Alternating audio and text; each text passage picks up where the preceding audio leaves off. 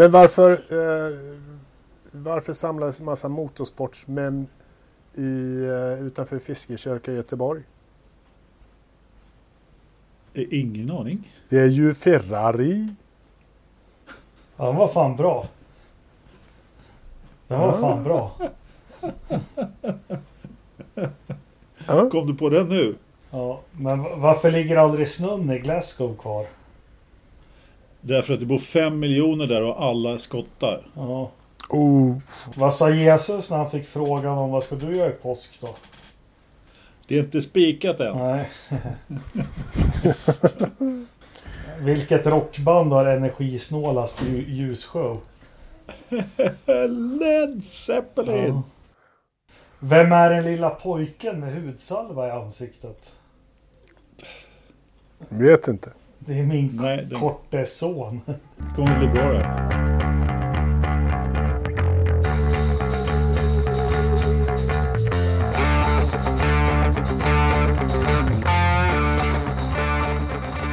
Hej och välkomna till avsnitt 117 av Forsa-podden med som vanligt Engelmark, Lövström och Ridderstolpe.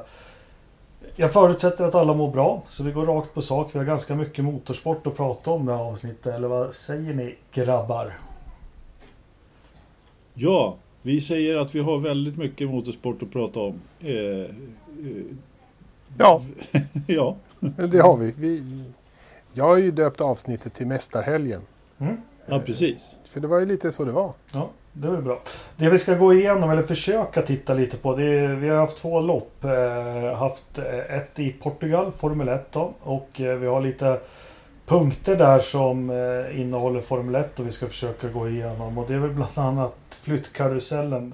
Självklart ska vi prata om loppen, men vi har en flyttkarusell här med Russell i Williams och mycket rykten om, eh, om att Perez är intressant där. Och Haas har ju även nu gått ut med att både dansken och fransmannen, eller schweizare eller vad han är, lämnar. Så det ska vi försöka fördjupa oss lite på. Eh, självklart så pratar vi lite om Lewis. Sen har vi Indycar också. Där var det ju faktiskt ett eh, mästerskapsrace, eller vad jag ska säga. Det var sista racet från säsongen i St. Pete. Och Scott Wilson, eh, Scott Kuks, vad fan. Scott Dixon. Hur är det? Dixon heter han ju. Vart ju mästare. Vi ska väl prata lite om det loppet och det är väl lite flyttkarusell där som vi gick igenom också förra veckan. Så vi ska ha en fortsättning på. Men vi smäller på direkt om det är okej med er. Kör! Kör! Ja. Eh, Portugals Grand Prix på... Vart då? Portimao, Portimao. Har, jag, har jag lärt Ja. mig. Det ligger på Algarvekusten. Man flyger till Chicago tar en hyrbil till Faro. Chicago, tar en hyrbil till Faro och sen tar man bussen därifrån. Ni- Ja. Jag har ju faktiskt flugit till Faro en gång i mitt liv också så det är ju lite så här, ja ja. Jag Ja, ja. Jag, flyger över Faro. Det gör man ju till Kanarieöarna. Då far man rakt Ja. över det vet jag. jag hade inte råd att åka så långt så jag fick stanna på, på vägen. Och det har vi Ja. sagt förut. Vem, vilken känd motorsportlegend hade sommarstuga? Eller vad fan säger man? Eh, i, I Faro. Eh, vet Det- inte. Här, Har vi sagt- jag. Ayrton Senna var väl förutom Ja, eh. Monaco så var ju han baserad på Faro där när, han- när det var Europasäsong. Jaha, har jag ingen aning om faktiskt. jag får väl börja med återigen, jag vet inte om man, eh, vad man lider av, men banan. Eh, vi hade ju tittat på den, Anders gick ju igenom den väldigt grundligt förra veckan. Att det är en lång raka, en kink och en högersväng. Eh, jag hade försökt Jag hann inte längre innan jag blev avbruten av dig, ska Nej, jag be att få säga. men det. alla banor har en kink säger du, en vänsterkink. Men skitsamma. Eh, när jag Alltså, såg Höger. höger, när jag såg första träningen var det en helt fantastisk bana, eller vad säger ni? Ja, underbart. Det var ju jätteroligt. Mm. Alltså på riktigt. Det, det här var en bana. Eh, Det var ju skitskoj. Ja, Jag, jag håller med. Jag tycker också att den var eh, över förväntan faktiskt. ja. Men det är ju det vi alltid har sagt också. När det blir lite höjdskillnader så blir det ju liksom mer, Mm. mer dynamik i banan. Det blir liksom upp och ner och, och de hade ju en riktig skön berg och dalbanegupp där också. Där, Såg ut som de lätta bilarna nästan, eller Ja, men väg. nästa, det, här, det, det måste ju känns fantastiskt i, i magen när du åker ner Mm. för den. Liksom. Ja. Och det, det som också slår mig var ju samma lite med Mugello det här eh, fällan som Tilka gått i. Alltså, det behövs inte en långsam kurva ut på en lång raka som avslutas med någon hårnål eller något knixigt. Utan här var det ju en högfartshöger innan start och målrakan. Där du kunde åka bakom och första kurvan var väl ingenting som såg ut på förhand som en omkörningsmöjlighet, eller? Nej, och det var där de körde om. Ja. Mm. Eh, Så det går ju faktiskt att bygga roliga banor som eh, är kul att titta på för ögat och Mm. känns spännande att titta på. Jag tror förarna, jag vet inte vad sa förarna om banan, har ni hört något? Jo, de tyckte den var helt fantastisk. Eh, det, den var jätterolig att köra men den var dessutom jobbig att köra. Ja. Alltså de var ju eh, för första gången på tio år trötta efter ett Formel 1-lopp. Eh, det har ju inte hänt på länge liksom att de, de verkligen så får kämpa. De sista 5-10 varven när det är liksom riktigt jobbigt. Lewis Hamilton fick ju kramp i eh, bromsbenet, Nej, vänsterbenet höger, tror jag. höger, högerbenet, högerbenet. Högerbenet. Han gasar lite mer än alla andra. Var, Ja, okej. var det en typisk Alesi-bana Anders? Eller? Uh, ja, kan, Vad är- ja. Vad är Ja. en Alesi-bana? Ja, det är en rak Om vi sträcka säger- bara. Nej, men om vi säger så här. Och om, eh, om det hade hållit i sig det här blöta i början, då hade det varit ett racerlopp i alla fall. Den saken är klar. Eh, det, det, det, det gav ju lite spänning till, men eh, det, det var ju rätt kul att kolla på träningen här också. Så, jag menar FP2, jag har aldrig sett någon så eh, intressant FP2 överhuvudtaget. Eller intressant och intressant, men där det hände så väldigt mycket i alla fall. Och, eh, alla möjliga, eh, lite clasher och två rödflaggor och grejer. Ja, jag missade FP2 så berätta vad som hände då. Nej, men det var ju det var just att det hände lite. För normalt sett så kör de ju bara så liksom eh, testar sig fram där. Och nu eh, kom, det, det snackisen var ju då Stroll och Verstappens som körde ihop då när Stroll bara svängde rätt, rätt in på Verstappen då. Eh, sen vems fel det, det Det dömdes ju inget straff för då. Utan båda fick väl egentligen en reprimand. Men vad ska han om då? Eller de fick ingen reprimand. Men, Varför tycker han att han ska få köra om där? Ja, alltså jag, jag måste nog faktiskt säga det att det, det känns inte som att det var Förstappens fel i alla fall. Eh, Men, Nej, verkligen fick- inte. Fast samtidigt, Men- alltså hans, man, jag tror inte Verstappen ser att även Stroll kör med vingen öppen på liksom... Eh, vi, Jo, men det ska de ha koll på. ja, fast vi såg ju loppet. Du fick ju... Vi kommer till det sen, men du fick ju jätte, både DRS och en jättetov toe Ja, på, på slipstream på den där rakan. Men, ja, absolut, Ja. absolut. Vad var det mer för röd flagg då, förutom den där? Ja, vad var det mer? Nej, Det men var- det var ju Fettel när han körde över brunnslocket. Fast det var på FP3 va? Ja. Ja, precis. Det var, på, det var, det var senare. Men eh, eh, det var på lördagen. Men vad heter det, var, det- var det inte en liten bil som brann också? Vi hade väl en liten brasa? ja, det piggar ju Mm. alltid upp. Ja, men precis. Precis, det piggar alltid det. upp. Ja, men lite... Jajamensan. Det var Gasly Ja. va? Gasly som, eh, som brann upp lite, ja precis. Eller Men hans bil jag- som brann upp. Ja, han, han klarade sig ganska bra. Vad, vad, vad hände? Varför började det brinna? Förhandling. det tog, det, det, det tog eld. Tack Anders. Det, Ja, det blev det, lite varmt. det var- någonstans. Ja, Precis. Ja. precis. Ja, men du var inne Tack. på att men det var händelserikt Pålästa FP2. Sen var det FP3. Det lyckades jag se. Och, och där var det allt möjligt skumt som hände. Eh, Var det Leclerc som fick in eh, Mercedes i sina hörlurar i bilen? ja. Och då såg jag på, på Twitter att, de, att han hade att, att eh, jag vet inte om det var de, han hade svarat Mercedes där med, med han undrade om det var, liksom, om det var Roscoe så hade, de lagt ut, hade Lewis lagt ut en hund med Roscoe med hörlurar och han skulle prata med Roscoe. Eller hur fan det var, jag vet inte. Det, det blev inget bra i podd där kände jag. Men det, det var roligt när jag läste det i alla fall. Jag lovar. Ja, Bra. Nej, men Ferrari har ju tagit det här med spionage till, till en ny nivå. Det är synd att de inte hade delgett Leclerc det när det var sånt. Berätta för exakt. världen att de fick in Mercedes. Eh, ja. i lurarna, ja, precis. Sen har du det här med brunnslockskaos också. Det här har vi ju sett tidigare. Eh, nu föranledde det ingen olycka, men senast, det kommer jag ihåg, då var det Grosjean, var det i Malaysia va? Eh, som Nej. slog sönder Ja. bilar. Du har ju ett, även Ja, ett, där, just ja, dränering och brunnslock får vi skilja på. Det, Grosjean och nu var ju dränereringsgaller eh, galler kan man säga. Sen hade vi ju Russell Alltså- var det väl i, eh, vad heter det, kommuniststaten, diktatur? Baku. Du tänker på Baku? Ja. Bak- Baku. Eh, Som slog, då var det ett brunnslock som slog upp sönder hela. Ja, det slog ju sönder ganska ordentligt. Det var ju, det var ju faktiskt riktigt läskigt. Eh, Eh, Ja men alltså om man säger så här. Eh, det- här de här dräneringsbrunnarna eller de här eh, rännorna som ligger på sidorna där. De är ju efter hela banan i stort Mm. sett kan man väl säga. Och, eh, enligt, alltså det, så, det såg ju faktiskt lite kul ut. När de satt med värmepistol och försökte gjuta där på...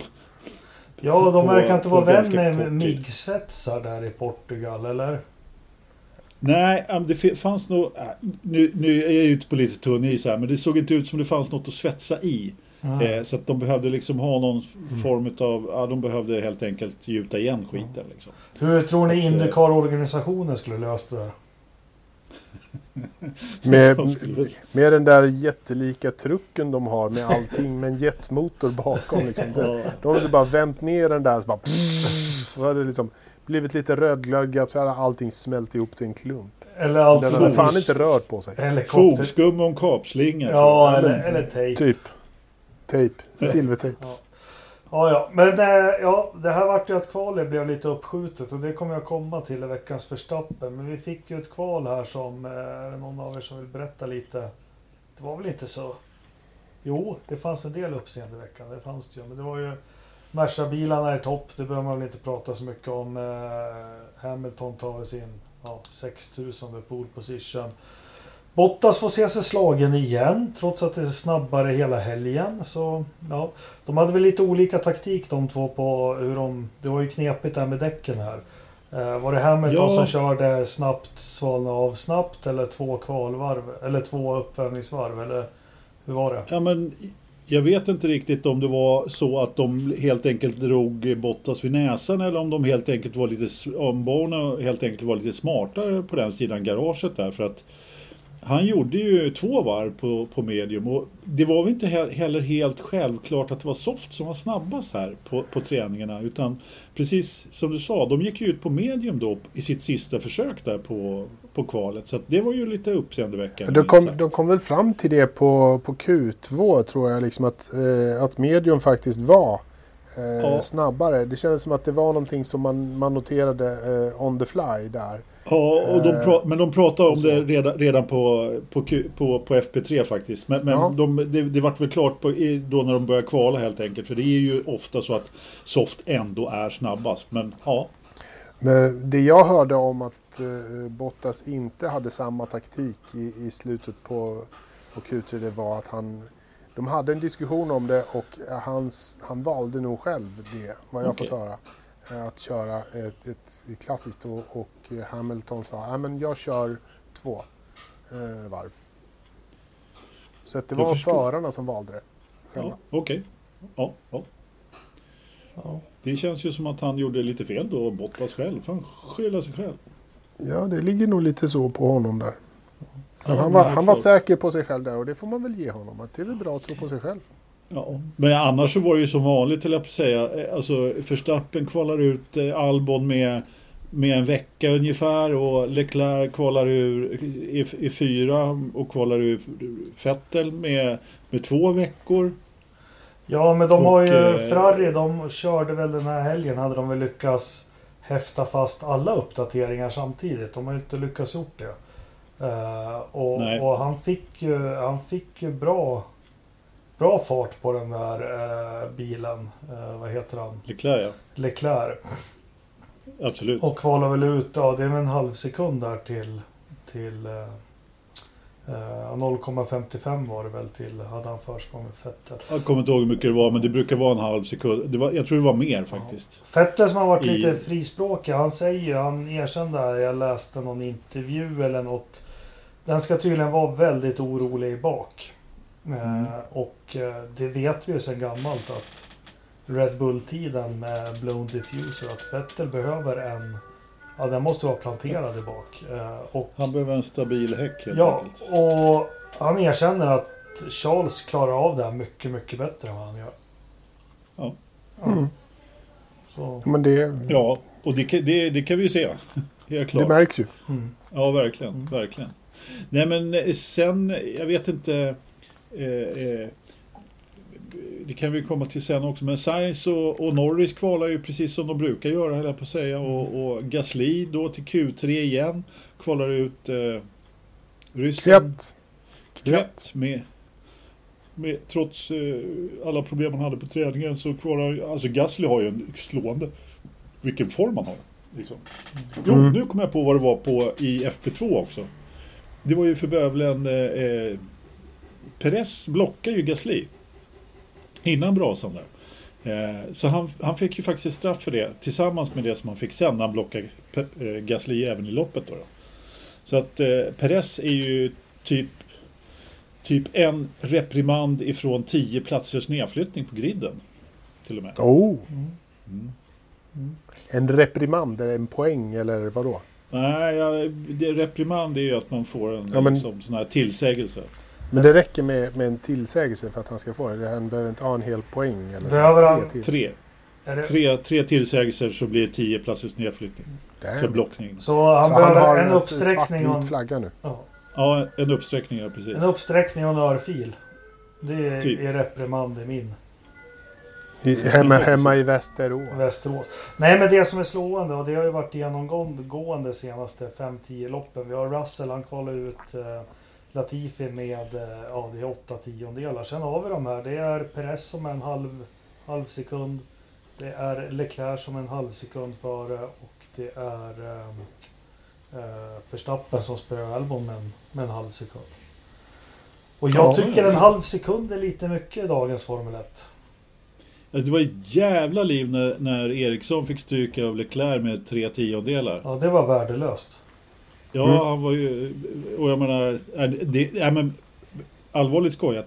Det, det är ju faktiskt så att tidsskillnaderna i kval eh, det här året, jag har inte sett så mycket stor skillnad mellan, eh, mellan eh, stallkamraterna. Det, är- det är slående faktiskt. Det, det enda det är tajt, det är ju faktiskt mellan Bottas och, och Lewis. Ja, Ja, McLaren är tajta. McLaren är ju bra också. Ja. De Ja, är man tar bort. alltid... Ja. Ja, Jo, de är, de är lika också. Giovinazzi Men och Räikkönen är alltid tajta tidsmässigt också. Ja, de är också ganska tajta. Nu tog väl faktiskt Kim en, en eh, kvalplats, en, en, eh, med en tiondel här. Ja. Men, men det, i övrigt så tycker jag att det har varit stor skillnad alltså. Oh, väldigt stor skillnad jämfört med hur det har sett ut tidigare. ja, kanske det. Ja, Ricciardo och Con har väl fått lite häng på honom. Han är ju bara en tiondel ifrån det här. eh, Ja, men där har det varit mer definitivt. ja, ja, det jag, var sa, lite jag, närmare att, nu. jag sa att han har Precis. fått häng. Eh, Exakt, Och exakt. Eh, kollar vi på Han gjorde ett bra lopp dessutom. Gasly och, eh, och eh, De Ruski så är det tre tiondelar. Eh, är det eh, senaste loppet. Ja. Eh, dansken och fransken är ofta jämna faktiskt. Ja, där har det varit lite jämnare. Alltså Magnusen har ju varit rätt långt efter vid något tillfälle. Men, men när de är, båda är på humör och lite sådär. Då, då brukar de ändå vara väldigt jämna i kval. Mm. Men innan vi går in på, vi har ju snackat kval nu, innan vi går in på behållningen och som är loppet så stördes ju eller piffades helgen upp. Man får välja själv med. Eh, först är det Haas, eller först är det, vi börjar med Haas. Eh, de går ut med att de byter förare och jag är ju inte överraskad alls. Jag tycker faktiskt det är på tiden att de byter båda och får någon form av nystart. Är det någon som tycker annorlunda? Nej, verkligen inte. Det är, det är, de har nästan haft ett år för mycket, eh, de där två killarna. Eh, lite så. Eh, hur mycket vi än tycker om Kevin så, så har han gjort sitt. Grosjean har gjort ett par, ett par år för mycket. Han har inte, varit, han har inte rosat marknaden på, på ett ganska bra tag tyvärr. Och med tanke på hur stora problem de har haft i, i Haas de senaste åren så är det förvånansvärt att de fick det här året faktiskt. För att jag sätter 2019 hade de en sån katastrofalt dålig säsong och de fick aldrig någon ordning på den här bilen. Och jag sätter faktiskt ganska stort eh, ansvar, är nog ordet, på förarna att verkligen få till den där bilen bara för det är de som, som kan berätta för ingenjörerna. För ingenjörerna kan göra massor av saker både hit och dit och sånt där. Men de vet inte vad de ska göra innan förarna berättar vad det är som är fel. Och de kunde aldrig säga vad det var som var fel. Och där, där lägger jag liksom ett ganska stort ansvar på föraren att de måste kunna vara med och utveckla bilen. Och har man en dålig bil som behöver man nog kunna säga liksom, ja, men det här är inget bra, eller det här är inget bra. Men vet du vad, jag har faktiskt läst på nu i helgen om det här. Eh, Jätteintressant Ja, att du tar upp det. Nej, men det var ju ett mysterium och ja, man kan se förarna, de, den var ju så inkonsekvent bilen förra året. Det var ju det värsta. Den kunde ju gå superfort och, och på en FP2 och, och så för att sedan och sen var Och de gjorde några bra kval också. Ja. Och det som hände, det är, och nu ska vi inte gå in djupare på det här, det de har sett nu i efterhand som var samma problem som Adrian Newey skriver lite om i sin bok som han hade med den här Williams-bilen som, eh, som Senna körde ihjäl sig i och någon mer bil, jag kommer inte ihåg vilken. Det är när du får aerodynamisk stål Mm. Eh, och eh, som tydligen inte visar sig jämt och, och jämt och prydligt och fint i vindtunnlar och, och nu är det väl CAD-tester och allting. Eh, tydligen var det det som den led av eh, förra året i bak då vid diffusen. Att den, den stålade där. Eh, och stål det innebär ju att ja, på flygplan, när ett flygplan stålar så minskar ju, du får ingen lyftkraft på vingarna längre. Och på Formel 1 är det tvärtom att helt plötsligt så så får du ingen marktryck. Eh, det sägs ju att Haas-bilen ska vara bra i år men att de är väldigt plågade av motorn i alla fall. Eh, nu kommer jag lite Ja, utanför. Svårt att bedöma såklart. Ja. Det är jättesvårt att säga om det är en bra bil i år eller inte Nej. för det, det märks ju inte i alla fall. Nej. Men vilka, vilka, vi pratar lite, vi, vi tar den sista här nu då. Vi får ändra oss nästa vecka. Vilka ser idag ut att hoppa ner de här sätena då? I, i Haas, Mm. Jag skulle säga att det beror på lite grann hur det, vad som händer med Haas. För vi vet ju inte om Haas kommer vara kvar heller. Det har ju ryktats lite grann om att de kanske är på väg. Om jag får gissa så tror jag att det kan vara en ny ägare i Haas inom kort. Eh, det, jag säger inte... Eh, det är, det är långt ifrån någon säker gissning men, men det, jag undrar ju om inte en viss Mazepin kommer att köpa det där stallet. Eller någon annan för den delen. Men det som ryktas är ju att Mazepin har en, en, en sits klar där som vi har pratat om. Och så, som vi sa senast också så kommer det förmodligen en utav Ferrari-juniorerna då. Om de ska få lite mer rabatt på motorn än vad de har fått hittills. Ja, för det är väl där den stora spekulationen var Jag, has, Jag tror inte Haas säljer stallet till nästa år. Sen var det väl några ljushuvuden som hade diskussioner om huruvida Haas får return of investment på det här och allting. Men eh, vi får gissa att han är affärsman nog. Jag tror att de är kvar som Haas i alla fall nästa säsong. Eh, men Ja, den stora spekulationen är ju hur, hur tar de det här med Ferrari? Att de, har, de betalar dyra pengar för en produkt som inte levererar det som kanske är utlovat. Då. Och Mm. Antingen kanske genom att man får motorer gratis och någon Ferrari Junior sätter sig där. En del hävdar att Schumacher är mer nära Haas än Alfa Romeo. Är det något ni vet något om? ja, det, pratas, det pratas ju väldigt mycket om att Mick är den som, som ska få den andra sitsen bredvid Mazepin där. Eh, faktiskt. Själv så skulle jag nog tro att Ferrari hellre sätter uh, Mick i, i Alfan eh, faktiskt för nästa år och så tar de någon annan i, i Haas-bilen. Alltså, det, det, det, är så, sådär, det här är ju ingenting som jag har belägg för men det känns som att det är starkare band mellan Maranello och eh, eh, Zürich än vad det är mellan eh, Haas och Ferrari. Det, Mm. det, det är den känslan jag har och jag tror att man har Schumacher som den första. Det är honom man ska ha. Ja, ut, Hinwil, det ligger typ eh, några mil utanför. Ja, ja, ja. utanför ja, det är. Saubers. Ja, jag Man fattar. tar- Ja. Jag har varit på tunnelcentralen där i Zürich en gång och då tittade vi hur lång tid det tog att åka tunnelbana, lokaltåget ut och det var, ja det, ja, det är en stund men, men vi hann inte innan nästa tåg skulle gå i alla fall. Ja, men jag, jag håller med dig. Det, för mig är också Alfa är väl eh, B-team 1 och Haas är B-team 2, kanske 3. Mm. Eh, lite beroende på man, hur, man ser det. Men, men jag skulle ju sätta eh, Mick i det närmaste teamet och det är liksom sätta ja. honom bredvid Kimi i ett år. tror jag skulle vara fantastiskt för, för eh, Micks första säsong i Formel 1. att lära sig av Kimi Räikkönen, vad han nu berättar, det vet man ju inte. Liksom. Men att bara få titta på honom och, och se hur han gör, tror jag Mick Schumacher skulle ha väldigt stor nytta av. Och sen ja, så tar man in Schwarzman eller vad de nu heter i, ja, i Haas bredvid Mazepin. För att Mazepin kommer in med en, med en hygglig summa pengar och så kommer Gene Haas vara lite nöjdare att han inte behöver betala en miljard varje år. Det var en intervju med, med Günther Steiner där. Jag kommer inte ihåg om det var innan loppet eller om det var innan. När de var på kvalet måste det ha varit. När, de, eh, när det var försenat där. Och han, eh, då fick han ju samma fråga som han fått tidigare då med det här med att eh, varför har ni tagit liksom sparka förarna nu och inte sen. Och han sa ganska undvikande och precis samma sak som han har sagt tidigare. Och det slingrar sig lite grann bland frågorna som jag tycker inte att han gör tidigare. Men det kan ju betyda också att han inte riktigt vet vad som kommer att hända. Så att, eh... Vad svarade han då, ungefär? Ja, men han sa då, att det var av finansiella skäl och ja, det är väl trevligt om det kommer in någon med, med lite budget och lite sådär, ungefär liksom. Väldigt undvikande, skulle, inget handfast alls egentligen skulle jag säga.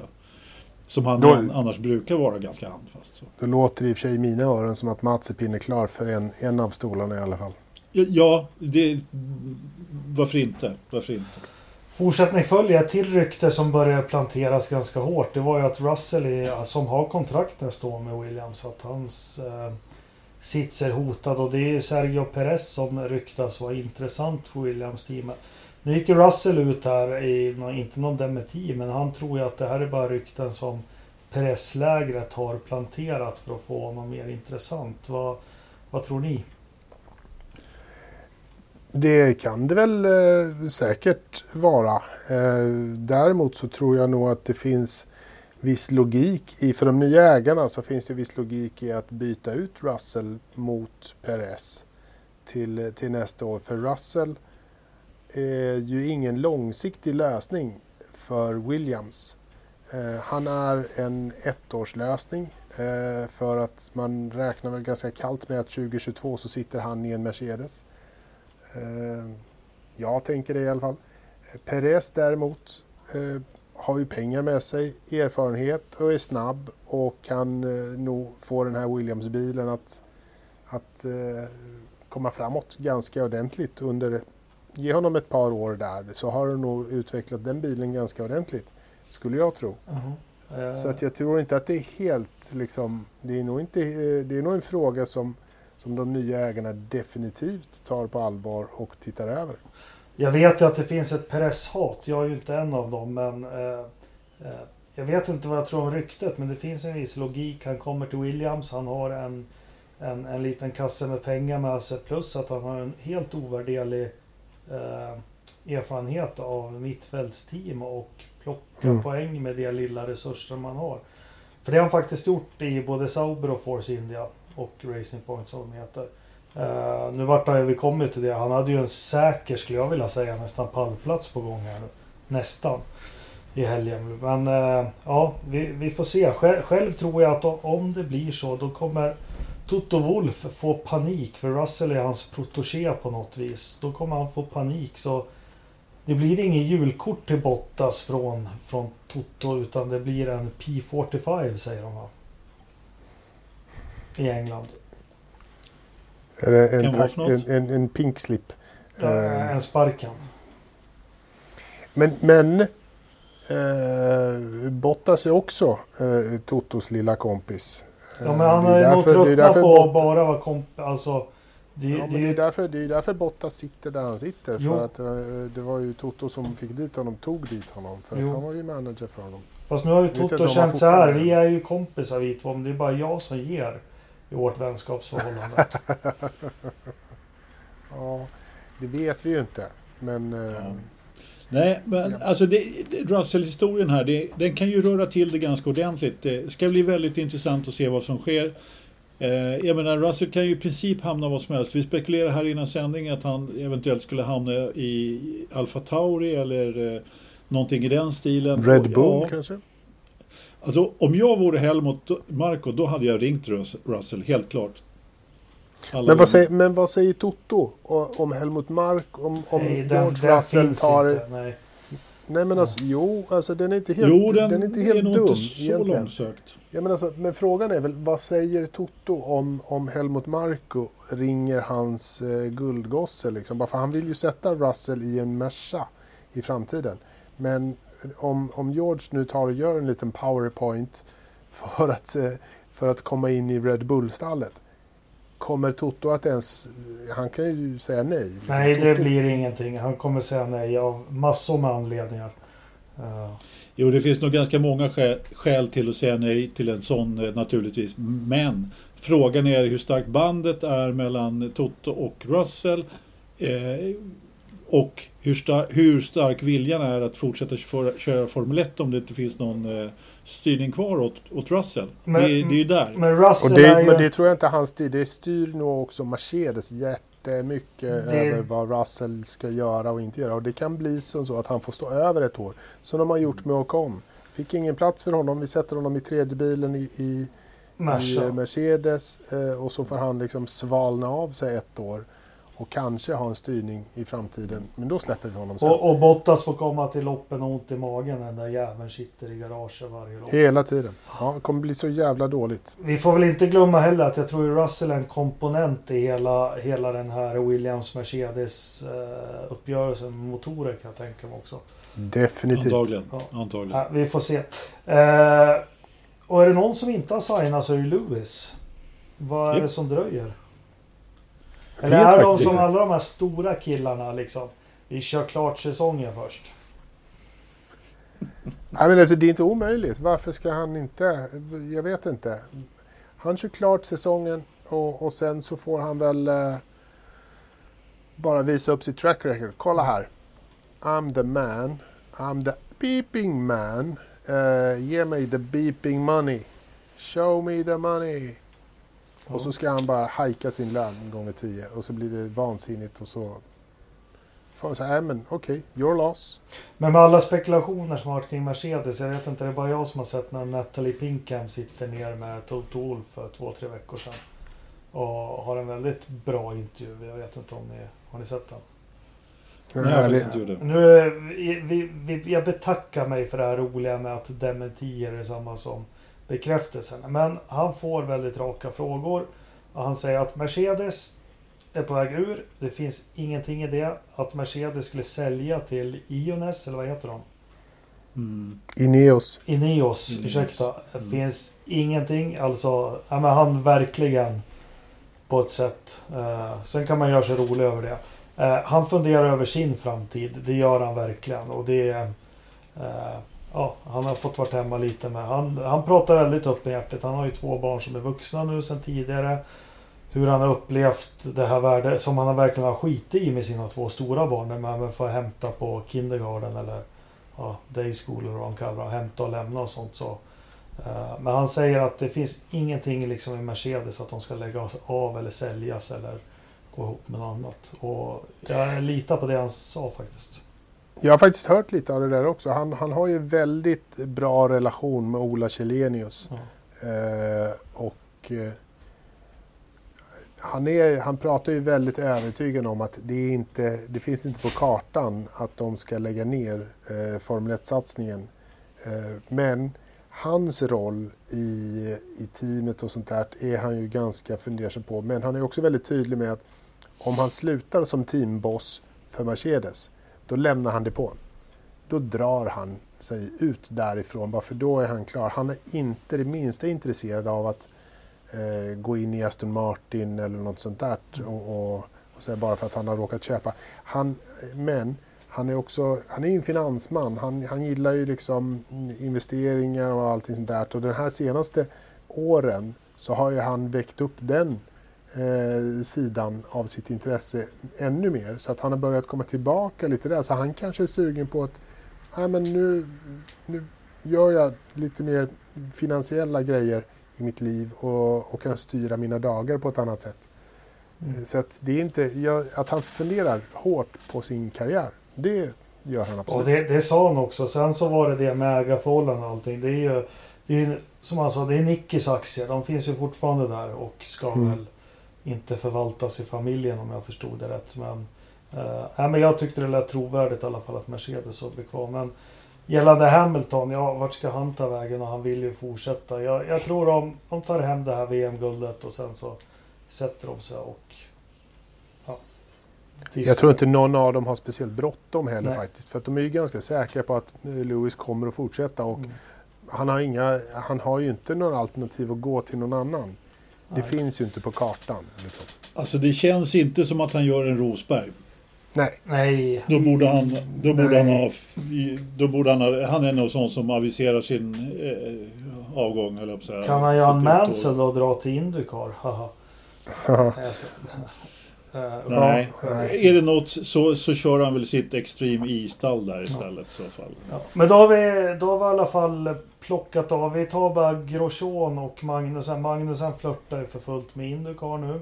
Eh, överallt. Ja. Eh, så vi får se om han hamnar där. Han verkar i alla fall ha skjutit in sig på det. Och Grosjean ville ju jättegärna köra Peugeots Hypercar har ju han också gått ut med. Och det var vi inne på förra veckan. Men med alla rykten ur världen nu då så kan vi väl eh, börja med att ta tag i loppet. Det börjar regna lite innan start. Ja, det ja. var ju jätteroligt. Ja. Och, Perfekt. Uh, ja, massor hände ju faktiskt. Uh, vem, ja, men vem vill börja? Första varvet, första varvet var ju eh, kaos höll jag på att säga. Eller egentligen inte kaos men just det att det var så mycket positionsförändringar och det hela var väl egentligen att Lewis tog det så väldigt försiktigt. Så att det, och det var flera som tog det försiktigt. Det var en som inte tog det speciellt försiktigt och det var Kimmy. Ja, vad fick han, var kom det där ifrån tänkte jag. Ja, men jag undrar också. Ja. Bara, alltså, på, på varv två så såg jag vad fan gör Kimmy där? Hur fan mm. kommer han dit liksom? Ja, helt sanslöst. Tio platser upp liksom. Ja, ja det var underbart säkert sett hans ombordbilder där på första varvet som ligger ute på f1.com. Det var ja. helt sjukt faktiskt. Och, nej men det som jag missade faktiskt när, att Bottas körde om Hamilton. Så helt plötsligt så... Ja, men Hamilton sa ju efteråt att han ödmjukt men lite störigt. Han, han kände direkt att det här var lite... han brukar ju inte vara oäven i såna här semiblött. Men han, han, han backade av och se, vad var det han sa? Se liksom vad bilen och det klarade av. Så mm. tänkte jag väl att jag tar igen det där sen, vilket han också gjorde. Men... Jaha, jo. Ja. Det kan man lugnt säga. Men sen var Nej, det, det, Sainz hade vi också fått eld under fötterna eller under baken. Ja, verkligen. Och kom ju som en toppstart. Ja. ja, verkligen. Och det, det, var väl egentligen eh, också en frukt av eh, Strål, äh, Strål nu, Perez mm. och eh, Verstappen där. Mm. I och med att de hamnade i vägen. Mm. När de körde ihop eh, Svårt att säga vems fel det där var också. Det var ju Botta som tryckte ut eh, Förstappen faktiskt rätt ordentligt. Och när han kom tillbaka på banan så var ju Press där då. Ja men det är mm. också grejen med Förstappen. Vi pratar om det. Nu försöker ju Bottas tuffa till sig lite. Men liksom Förstappen skiter i sånt. Ja, ja, tryck av mig. Jag kör in på banan igen. Vad fan. Ja. Ja, han har en ganska hård stil. Jo, men det är lite det här som Senna förde in. Ja, men jag, jag ska in här på banan igen. Det är väl upp till er att väja och bromsa. Ja, typ. Ja, ja. Sen kan man tycka vad man det... vill om det, men... Ja, ja, jo, men så är det ju. Så är det ju. Nej, så, men där fick ju eh, Science lite fri lejd i alla fall och så är plötsligt så var han uppe i ledning. Eh, ganska, han hade väl röda på, så det var väl det som mm. gjorde att han fick värme i dem rätt kvickt då, då vilket eh, tog en lite längre stund för både Bottas och Lewis då att få upp lite tempo i dem. Så att det hade ju varit väldigt skoj om det hade varit blött lite till faktiskt. Eh, så att Science hade hunnit sticka lite och mm. få, fått lite mer eh, ledning sådär. Eh, jag är ingen jättefan av regnlopp bara så därför. Men just när det är så här lite semiblött. Det, det är ju min absoluta favorit just för att det är... Just för att det är lite osäkert. Mm. Just att, eh, nej men man ser ofta vad som, alltså det är ju det, men man ser ju vilka som gör bort sig. ja, men sen börjar det så fint, när de har jobbat däcken så börjar loppet sätta sig som det så fint heter. Eller i alla fall något sånär. Men det något jag tänker på vi kanske kan hoppa in i. Det är däcken. En del brände däck, en del fick dåliga mm. däck som verkar komma tillbaka. Hamilton börjar ju säga att däcken var slut för att sen säga att de var jättebra. Och ja, var, var det värt ja, det, eller var det... Ja, men det var ju, han fick väl någon graining där som mm. han kunde köra igenom. Uh, man, får, man kan ju få det liksom, att det yttersta lagret på däcket börjar liksom lösas upp uh, lite för mycket och då, då blir det liksom lite halkigt istället för bra fäste. Men det går ju att köra igenom sig den perioden. Det är ett par varv uh, som det är lite halvhalt. Men när du väl får bort det då har du ju eh, ett antal varv kvar i däcket med riktigt bra grepp mm. Eh, fortfarande. Så det var väl det som hände, liksom, att han fick lite, lite graining där och eh, kunde köra igenom det helt enkelt. Vilken förare var det som sa det? Att eh, beläggningen här var ju en sån beläggning som är väldigt jämn. Det vill säga mm. att beläggningen jobbar inte däcken. Man gjorde jämförelse med kanske Barcelona där, där det är mer aggressiv. Ja, så du får hjälp av beläggningen och får tutta på däcken då. Och, ja, det var ju helt ny, nyasfalterat också. Ja, mm. och där har du väl det också att då, det är som gjort för graining om det är... Ja. Mm. Uh, uh, ja, sen, sen alltså om man ska ta den här Bottas Hamilton där så, så måste jag ju ändå säga det att eh, det var väldigt intressant att se Eh, bland annat då att helt plötsligt så säger alla gnäller på däcken och så Lewis den som inte gnäller på däcken. Mm. Kört igenom där. Men han som alltid brukar gnälla. Men eh, jag vet inte.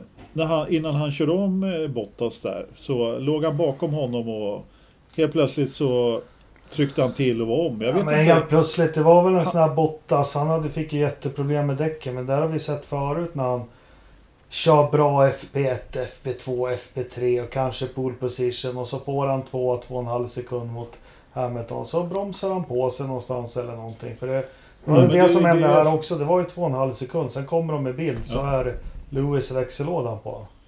Ja, men det är det jag försöker analysera här. Liksom. Att Lewis han vet ju att Bottas inte, alltså, att Bottas sliter mer däck än vad han gör. Så han ligger ju bakom Bottas och ser vad han gör. Mm.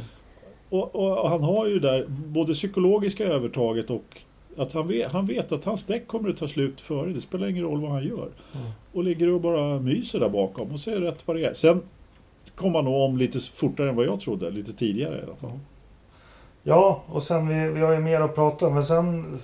Ja, det ramlar på det här och vi får njuta av en härlig bana. Mycket härliga omkörningar.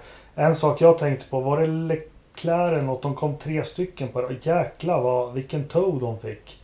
Ja. Uh, det var ju helt sanslöst alltså. Och, och, så fort de gick ut, särskilt Ferrarin där, när han gick ut ur slipstream, trots att då såg det ut som att han tryckte på bromsen. Nästan. Det var ja. lite sådana märkliga. Det men det, inte behövts någon DRS här. Nej. Nej, men alltså man såg det. Det såg man också på Kimmys video där på hans första eh, varv som de eh, ja. la ut det, där ser man ju väldigt tydligt på, på start och målrakan efter varvet vilken otrolig tow det var. Eh, där när han gick ut och tog ett par bilar direkt på första varvet på, i slutet på startrakan. Ja. ja, och han var ju i princip uppe i förstappen där och på väg mm. om honom också nästan. Mm. Och det här är också lite tråkigt. Det skulle varit regn också. Vi visste ju från början. Eh, det här kanske är den stora skillnaden på, på Formel 1 från 1980-talet och nu det är ju att ja, man visste att Sainz och Kimmy, visste, jag, jag, visste att Kimmy kommer inte få några poäng och Sainz kommer absolut inte komma på pallen. Uh, ja, det är lite trist. Jag vet ju 86 då kunde ju Berger fått någon sån här jävla jättestart och, och ledigt till sin Benetton som han körde då. Och så kunde det liksom hållt hela vägen. Ja. Jo, Nej men visst är det så. Visst är det så. Eh, alltså att Kimi, han var ju inte långt ifrån en poäng men nu fick han ju en sån här hedersam elfteplats istället då, då. Men det hade ju räckt med att eh, Stroll hade kört av någon mer så hade han ju plockat poäng. Så. Ja, men då ramlar in bilarna i mål 1, 2, 3, 4 till 10 och kanske mest anmärkningsvärda det är ju som vi säger att Lewis Hamilton spöar Valtteri Bottas med 25 sekunder. Mm. Vad hade Valtteri att säga om det? Han fick ju fel däck på slutet, det gjorde ju allt. Mm. Ja, nej, jag vet inte. Det, det är väl nästan mer anmärkningsvärt att eh, Albon varvas av Verstappen. Det, det, är, Ja, men- det är inte bra. Mm. Nej men det är precis, jag måste nästan hålla med där. Alltså, eh, eh, heter det? Bottas gjorde det bra, han blev ju inte ens varvad. Eller hur? Ja. Nej, men det... Nej, Eh, alltså, Alex Albon. Han hade, han hade väl två, det här och Monza, på sig att bevisa sig för att få, det var upp till honom är ju det de har sagt. Att han ska Mm. göra två bra race. Gör han det så har han ett kontrakt i Red Bull nästa år. Mm. Och så går han och blir varvad av sin teamkamrat i första loppet. Det är så här, på kvällen, i, det är redan klart, liksom söndag kväll efter loppet. Det var inte ens, loppet behövde inte ens ta slut innan Christian Horner var övertygad om att det här är, är slutet för Albon. Ja. Han Ja. började ju redan titta på sin kortlista och se vem det är han ska ringa på, på måndag och kolla läget med. Och Albon får väl börja sälja begagnade bilar med morsan sin då. Ja, Mm. det... Nej, det, det lutar faktiskt åt det. Jag, jag gillar Albon jättemycket. Det vore kul att få se honom i, i, liksom ordentligt men nej, det här går ju inte. Det gör det inte. Han, han, det, är som, det, är som, det är ju som Gasly då. Som helt plötsligt, han klår ju, Gasly klår ju Albon på regelbunden basis i stort sett. Ja, Och samma Såklart. var det ju omvänt förra året. Ja, e- exakt. Ja, ja, men vi har, vi det- har diskuterat den där till, till leda. Jag tror Ja. inte man må... Jag tror... Ja men kör ner. Det är väl inget tekniskt en sånt. Det är det är mentalt. Det, Nej men det, Ja. det, det, är ju någonting i det där stallet. Så enkelt är det ju bara. Det, det, vi, det går inte. De, de, de klarar inte av att ha två bilar. De måste ha en riktigt stark, en, alltså en, en stark förare mentalt. Jag menar, eh, det optimala vore ju att ha Leclerc där eller eh, för den delen Lewis. Liksom för att se vad som skulle hända med de där två i samma stall. Rosberg. Ja, ja varför inte? Varför inte? Nej Men, men, eh, nej. men jag håller med. Albon blev varvad. Men sen Bottas. Han, han är ju... Alltså det är ju Kovalainen-klass på honom. Ja, ja. Ja men vad fan. Hamilton han, han är ju i zonen nu. Han är ju superbra. Det här har vi pratat om flera gånger. Han inte fan tog ju Rosberg och Button och, och Alonso körde jag med. Och så här mycket stryk av honom. Nej, och, och Rosberg sa ju efter att han hade inte farten helt enkelt. Han hade, det, det här passar inte honom. Bottas. Eh, och jag menar, ja, Ja, inte Så- Rosberg. alltså ja.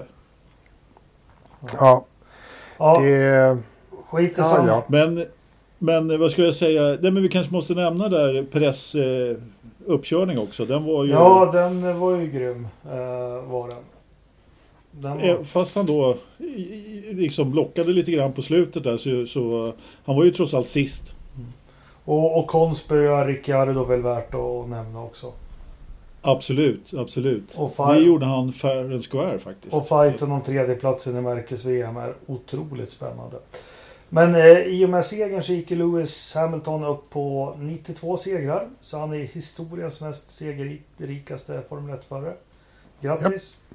Grattis! Snyggt jobbat! Vi, vi syns vid 100. Då kan vi prata mer om det. Ja, men typ det är inte, det är inte, det är inte många race bort liksom. Jaha. Så det kommer ju Får jag, Bra. får jag inte nämna att Stroll körde på Norris också? Jo, men gör det. Ja, nu har jag gjort det. bra. Vi stänger dörren till Formel 1. Nästa lopp nästa helg, eller hur fasen är det? Imo- Ja, det är Imola. Imola. Ja, Två dagars helg. ja. Spännande. Det... Sa jag Monza förut? Ja, det gjorde du. Men jag vill Ja. inte Ja. mästra dig. Tack så hemskt mycket för att ni rättar. jag vet hur arg och kränkt du blir när man rättar. Ja. Eh, eh, ja, men då stänger vi Formel 1-dörren och vi öppnar den på lördag igen då i San Marino. Eller vi är ju inte i San Marino. Vi är ju Nej, vi I i, i Imola. Imola, ja, precis. Imola. Banan heter faktiskt Autodromo Enzo Edino Ferrari. Mm. Mm. Internationale kanske också där Ja, någonstans. Säkert.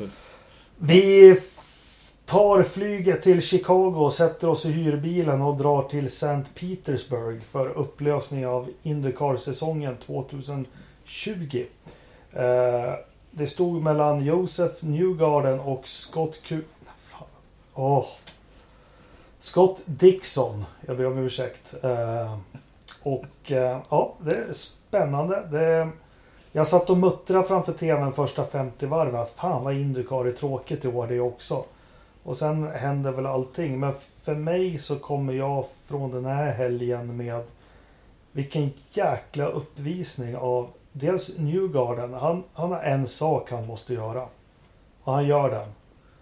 Och Dixon som egentligen har ett jobbigare läge. Och vilken, vilken körning han står för. Han sätter in näbben precis när han ska göra det. Och han sträcker bort näbben precis när han ska göra det. Hela loppet. Eller vad säger ni? Ja, det är kvalitet på, på Scott Dixon eh, på hans körning i Pittsburgh. Ja. Definitivt. Ja, men jag, jag, jag tänkte jag har precis samma sak Jakob. Jag hade precis tänkt säga exakt ungefär samma sak. Jag menar, Newgarden och Dixon cementerar ju vilka två som är bäst i Indycar. Mm.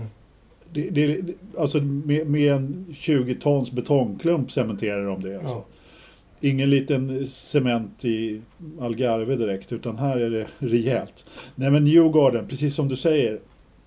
Han startar ju dessutom ganska långt ner och, och med oerhörd finess tar sig fram. Nu blev han ju då hjälpt av eh, lite misstag men hallå. Han körde ju sig till eh, mm. ledning. Mm. Och, och, och Dixon då som har sett lite blek ut på sistone faktiskt han visar ju mästartakter här och, och, precis som du säger, han sticker in näbben precis där han ska. Och han och, drar bort den eh, för att inte råka i trubbel. Liksom, mm. På det sättet. Och är tålmodig. Mm. Båda två de där är väldigt, väldigt tålmodiga men, i det här men, loppet. Men Dixon, han såg väl, nu är det ju inte så en motorsport, men han såg väl till att liksom inte ha klossrygg men ändå se ryggen på, på, mm. På honom hela ja. tiden. Och sen just det här jag har säkert fel, men man har sett andra förare i den här situationen. Ja, men de backar ur för man ser de är rädda, de är nervösa. De är, eh, men han gjorde ju bara det på ren jävla rutin i olika situationer. Och, Exakt. Uh, ja. Exakt. Nej, men det är som, jag menar, du som håller på med hockey. Det är som att se ett lag som leder med, med, med, ett mål och sen tror att de ska kunna backa hem ja. ungefär. Så kan det ju se ut ibland. Men här, han, var ju, han anföll ju ändå. Liksom. Ja. Men det fanns en tredje eh, förare som cementerade någonting också. Det var Will Power. Brain fade. han cementerade två saker. Att han, han cementerade två saker. Att han är sjukt bra i kval. Eh, för det visade han att han, han kan verkligen sätta kvalet. Men sen att han också får en brain fade. Och de, denna gång lite tidigare än vanligt. Men, men en riktig, en riktig tjongare eh, i, i cement. Han höll ju på att ta ut Newgarden innan också. Ja, ja, det gjorde han kanske. Ja. ja, precis. Men de var ju ihop lite där. Ja. Det var väl ja. Newgarden som, som petade på honom mer än... Nu, nu, ska vi väl ärligt säga att eh, vet du, Powers brain, brain freeze den här gången det, det fanns åtminstone en förklaring. Sen, oh. Han hade ja. något problem med nedväxlingarna där. Det såg ju faktiskt ut som han hade problem Nej, med han kom ut... Ja, det hade han ju absolut. Ja, det hade han. Men det, ja. där var, han kom ut i marbles och... och... exakt. Ah, ja, oh, ja. Han, eh, bakänden gled ju bara för honom rakt in. Sen tycker jag synd om, om racerförare. För om vi snackar hockey och sånt. Om du är arg och besviken kan du slå av en klubba. Och ta av sig en liten bomullsvante och kasta sådär. Det ser ju inte så... han, tog ju sin, han tog ju sin has... Eh, eh, Eh, vad heter det, nackskyddet och slängde iväg det. Ja, han gjorde det också. Jag tyckte det var en handske ja. där han fick iväg någon meter. Ja, det också. Men, ja. men nackskyddet åkte ju också. Det är en bit bort. Ja. Men ska vi backa bak lite? Vi har ju svensk intresse Nej. också. Nej. Vad ska jag, jag, jag, alltså, man, man kan göra... Du, du, vet vad Pete Posterwaite sa i Turell när Alesi körde där? Nej. Nej. Vem, nu, vem sa vad? Nu, Pete Posterwaite. Harvey? Postelwaite. Harvey Postelwaite, förlåt. förlåt. Självklart. Ja. När Alesi kom in efter ett dåligt lopp och kastade hjälmen så sa han att Sean Alesi han har mognat massor. Nu siktar han innan han kastar hjälmen i garaget. ja, det är bra. Ja, men vi, vi hackar tillbaka. Vi har tagit loppet. Men vi hade ju ett kval också innan. Så jag var ju i vanlig ordning. Jag gillar ju Felix, det vet alla. Min favorit. Sett fram emot det här. Och så blir det precis som förra året, sista loppet. Vad va, va fan handlar det här om? Ja, det kan man verkligen fråga sig. Och de, de skyller ju, eller, han, eller ja, på eh, programvaran som de har fått ifrån Mm. Indycar. Då, då. Och det är ju märkligt att det händer honom då. Ja. Två, vid, vid två tillfällen. Och man har ju inte sett det förut. Äh, Jag är förbluffad över att man låter en sån här grej ske. Men sen så är jag också så här Indycar, men vi ska inte jämföra det med Formel 1, men vi är ju skolade i Formel 1 som åskådare allihopa. Alltså de kan ju se mellan fingrarna med, med, ett, eh, med ett eh, massmord eller någonting. Eh, Men sen en, en blockering, alltså ja. Ja. Jo, precis, exakt. En blockering, det är, man blockerar inte bara. Mm. Det är verkligen det är rejäla straff för det. Alla gånger.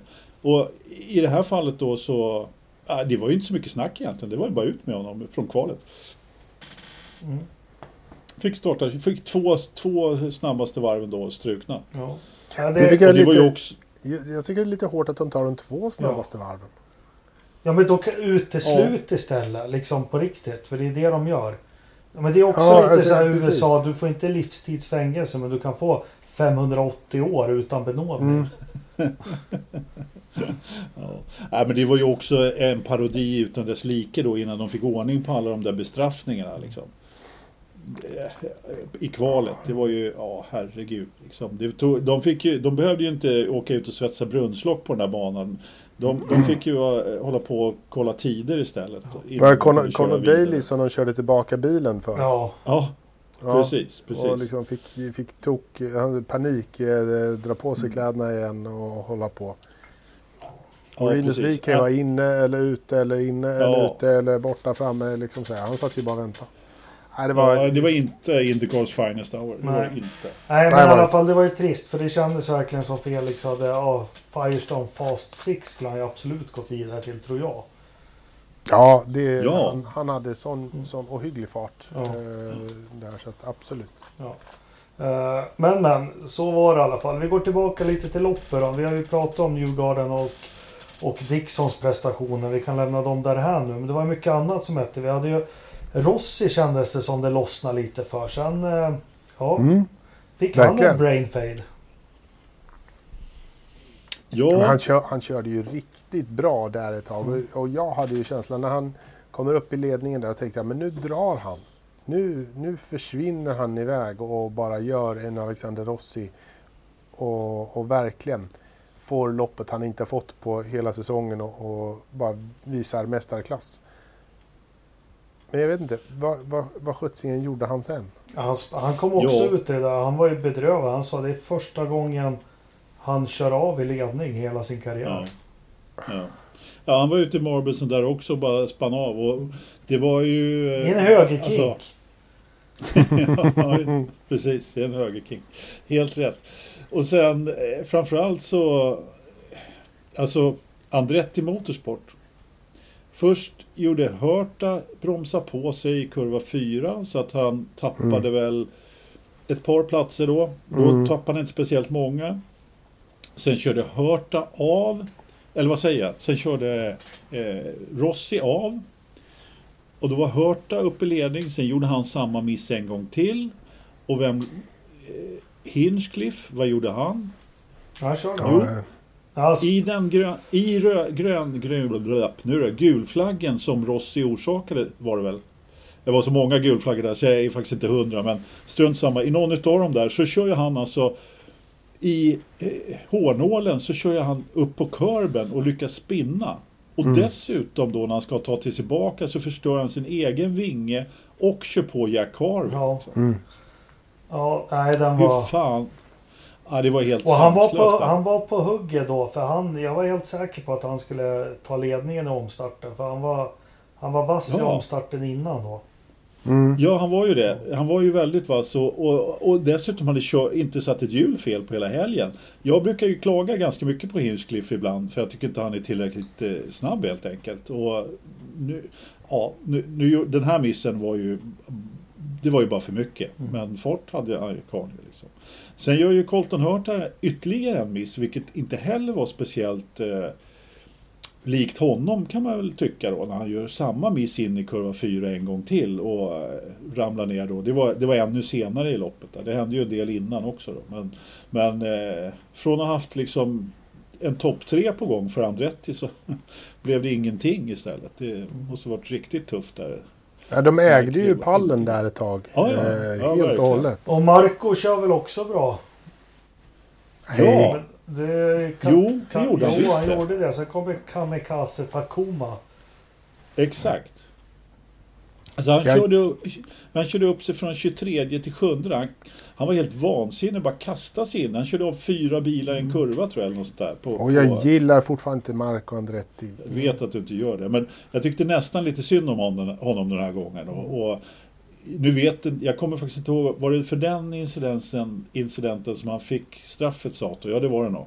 Det tror jag. Eh, ja, som han fick flytta tillbaka. Men det var ju Mm. fler galningar som körde på folk i Indycar-loppet också. Det var ju någon som körde in i, eh, i Felix också. Ja, Så att han hamnade ett varv vi kan väl ta svenskarnas lopp lite kortare. Och Marcus eh, tragglar på får man väl säga. Men om vi börjar med Felix lopp. Han ligger ju i botten efter det här haveriet på kvalet. Eh, blir påkörd av Ferrucci. Får gå in i depå. Eh, krånglar sig upp på ledarvarvet till slut. Är ju hjälpt av säkerhetsbilar och tar sig om Mm. Rossi. Eh, precis innan Rossi kör av då. Eh, vilket var bra Precis. eh, att han gjorde det. Sen har han en jävla fart. Men nu är ju Indycars tidtagning och allting. Den är ju herrejösses. Men jag ser. Han har en jäkla fart och knappar in. Han äter in tider och han kör upp sig 10, 9, 8 och så har han 7 va till slut. Jag tror han var Felix, ja. åtta. 8. Ja, Ja, men jag, jag satt och räknade med det tempo han höll så skulle han lätt kunna komma 4, 5. Skit i samma, sen händer det något och vi vet ju fortfarande inte för Marcus ligger faktiskt två sekunder bakom. Eh, gör han. Sen händer det någonting och helt plötsligt så ser man att han bara droppar. Och där har ju Nej. Marcus och Felix kört ihop. Han låg ju inte två sekunder bakom. Då är det svårt att köra ihop. Nej men han gjorde det tills, jag vet inte vad som hände sen varför han kom nära och kunde köra ihop med honom. Eh, men när man följde, de låg ju där. Felix tar sig det om... stämmer inte. Jo, det stämmer Det- jättebra. Felix tar sig om Marcus. Sen tar sig, nu kommer jag inte ihåg vilken det är i bilen. Som Felix tar sig om fort och Marcus hamnar bakom den då. Eh, jag får kolla, jag har det inspelat. Så när Marcus till slut tar sig förbi den bilen. Så är Felix över två sekunder framför Marcus enligt tidtagningen. Okej, eh, så var inte min eh, uppfattning av, av det där skeendet. Men det hände ganska mycket där man fick se väldigt dåligt i, i bild. Eh, men en sak var ju säker att Felix, ha, han tog ju ganska stora risker där i när det var väldigt trångt på banan i de där omstarterna första varvet. Och lyckades väldigt bra. Han gjorde ju en Mark Andretti där och tog sig om bil efter bil efter bil och bara svepte förbi. Jag såg bland annat när han, det fick man se bild när han svepte förbi Marcus. Det var ju fyra bilar i den klungan när han brakade förbi där i full kareta. Sen, eh, eh, sen fick faktiskt både Marcus och Felix släppa tillbaka Chilton av någon anledning. Eh, de, Chilton låg framför de två och eh, både Marcus och Felix fick släppa tillbaka honom för att eh, vid något tillfälle. Jag vet inte riktigt. Eh, det, det har inte jag ly- lyckats se varför de lyckades göra. Och det var i, i det skeendet sen som jag fick för mig att de eh, hakade ihop. Nej, nej, nej. Att- Det, det, Chilton ligger ju 12, 11. Det är när de klättrar förbi där. Men det är sen när... Ligger de 8, 9 då eller 9, 10 och så är det bilen på åttonde plats. Jag kommer inte ihåg vilken det är. Som Felix tar sig om. Ja, kan det varit det. Men Felix tar sig om den mycket fortare än vad Marcus gör. Eh, och när Marcus till slut tar sig förbi så är det över två sekunder mellan Felix och Marcus. Sen så ser jag, Ja, ba- sen ser jag bara Men- att helt plötsligt så faller Felix i listan. Bara, tjup, tjup. Men när de, För- oavsett hur de kommer nära varandra, liksom, vad, vad var det som sk- skulle Marcus köra om Felix då? Eller var det då själva incidenten var? Ja, ja. Den- det, var, det var då, alltså Marcus gjorde ett omkörningsförsök på, på Felix. Han var ju snabbare vid det tillfället. Okej. Han var ju snabbast på banan. Så att det är inte så konstigt att han kom ikapp honom. Och Felix låg väl bakom eh, Pagino dessutom då. Blev, ha- hade ju inte fri väg, vilket Marcus hade. Så att eh, det, det var ett omkörningsförsök helt klart. Felix säger i, i efterhand att han lämnade plats till Marcus. Då, då. Så att, men Mm. jag har inte sett incidenten på, på bild. eh, Nej, inte jag på- heller. På, på film liksom. Jag vet inte om det finns någon ens faktiskt. Borde Nej. ha kommit fram i så fall. Det är väl skit samma också vad det blev. Men eh, Men Marcus tragglar sig in på en sjunde plats och det får väl anses vara godkänt då. Ja, väl helt okej. Tycker jag. Ja, men om man startar längre, i de regionerna han brukar göra så kan man ju inte säga annat. Och han hade ju dessutom grymt oflyt med någon gul flagga där som kom, kom ut precis innan han skulle gå i depå. Så att han hade ju inte riktigt något eh, räkmackelopp han heller. Även om det var betydligt bättre än Felix som var tvungen att ta tillbaka varvet. Felix gjorde, gjorde ju ett par grymma omstarter. Jag, jag, jag har för mig att jag klagade lite på hans omstarter förut. Åtminstone på ovaler och eh, här gjorde han ju en kanonomstart när han tog sig förbi Hörta bland annat. Mm. Och bara svepte förbi honom. Det, den var riktigt eh, imponerande måste jag säga. Ja, han var Riktigt på... snyggt. Han, han var precis på väg att ta sig förbi Rossi också på när det var omstart precis något varv efter. Men ah, inte, han, klar, han vågade inte riktigt där. Men, men ska vi paketera in den här säsongen då och börja med, för mig har...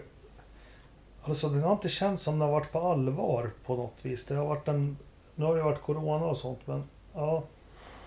Det- känns som det har varit en devalverad säsong på något vis i Indycar. Vad känner ni? Mellanår? Ja, alltså det... I och med att den blev kort och omstuvad så känns det inte som en eh, eh, riktig... Eller riktig, men visst. Ja, men Formel 1 har den var- lyckats bättre med sitt koncept. Ja, jag, ja, jag håller med. Jag håller med. Helt klart. Helt klart. Vad säger Ridderstolpe? Säsongen Men- är ju speciell, så är det. men om vi går tillbaka till innan. Eh, när Corona slog till och sådär så hyllade vi ju faktiskt Indycar Ja. för sin simsäsong. Mm. När de körde simracing där så var ju Indycar väldigt mycket bättre. Formel 1 körde med en massa kändisar och fotbollsspelare och golfproffs och alltså, några jävla influencer på matbloggar och vad det nu var. Alltså, det är ju massa eh, tjafs eh, därifrån. När det väl börjar köra så tycker jag, alltså, jag tycker inte de, jag tycker att Indycar har gjort ett bra säsong eh, de också. Utifrån förutsättningarna så har de anpassat sig väl. Något lopp har ställts in med kort varsel. Då har de fixat till en, en doubleheader i Indianapolis eller sådana här ställen. Ja. Ja, men jag- och sånt där. Så att de, har ju, de har ju anpassat sig efter förutsättningarna. Så att de har ju ändå fått till en, en bra säsong tycker jag. Jag Så håller tycker med. Det var, det var lite sådär. Man, jag gillar ju starten på säsongen som Scott Dixon gjorde. Fantastiskt liksom, verkligen. Eh, Chip Ganassi Racing trodde vi inte på från början. Men när de, liksom, de första tre, fyra loppen bara sopar rent. Eh, verkligen, med, vinner allting i början. Då sätter de ju standarden för, för eh, resten av säsongen. Och sen har ju inte, men sen har ju de fejdat bort, tycker jag. Chip, alltså Ganassi Racing har inte liksom eh, varit så bra andra halvan av säsongen som de var första halvan. De vann, Scott Dixon vann ses, sin titel på eh, sin start av säsongen. Definitivt. Det är lite Braun GP liksom. Det var lite så. Nej men alltså det här med säsongen så, så vi behöver kanske inte älta det mer men jag håller med dig också Ridderstolpe. De fick till det bra. Jag blev så oerhört besviken när de inte körde i Portland och, Mm. och Laguna Seca. Det blev väl 14 lopp ändå så, ja men vadå? Efter förutsättningarna ändå och, och de, de lyckades som vi sa oerhört mycket bättre med eh, med simracing-säsongen innan. Nu är ju den glömd men Ja, ja. precis. Men ändå. Ja, men jag håller med. Det är, det, är bara känslan här att det har liksom, jag har inte tagit den. Den har inte känts helt, helt på allvar den här Indycar. Jag vet inte. Skitsamma. Vi tar svenskarnas säsong då. Det är väl kanske lite intressant. För vi kommer ju glida in lite på det också. Eh, jag känner att jag inte vill uttala mig alls. Eh, tar- Fegis. Jo, men det är lite det här med min känsla för hela säsongen. Nej, men Felix säsong blev inte alls... Jag hade ju hoppats på på något vis att han skulle vara med och hota. Eh, där har väl Mm. kurvan gått åt fel håll. Eh, sen finns det alltid omständigheter till det.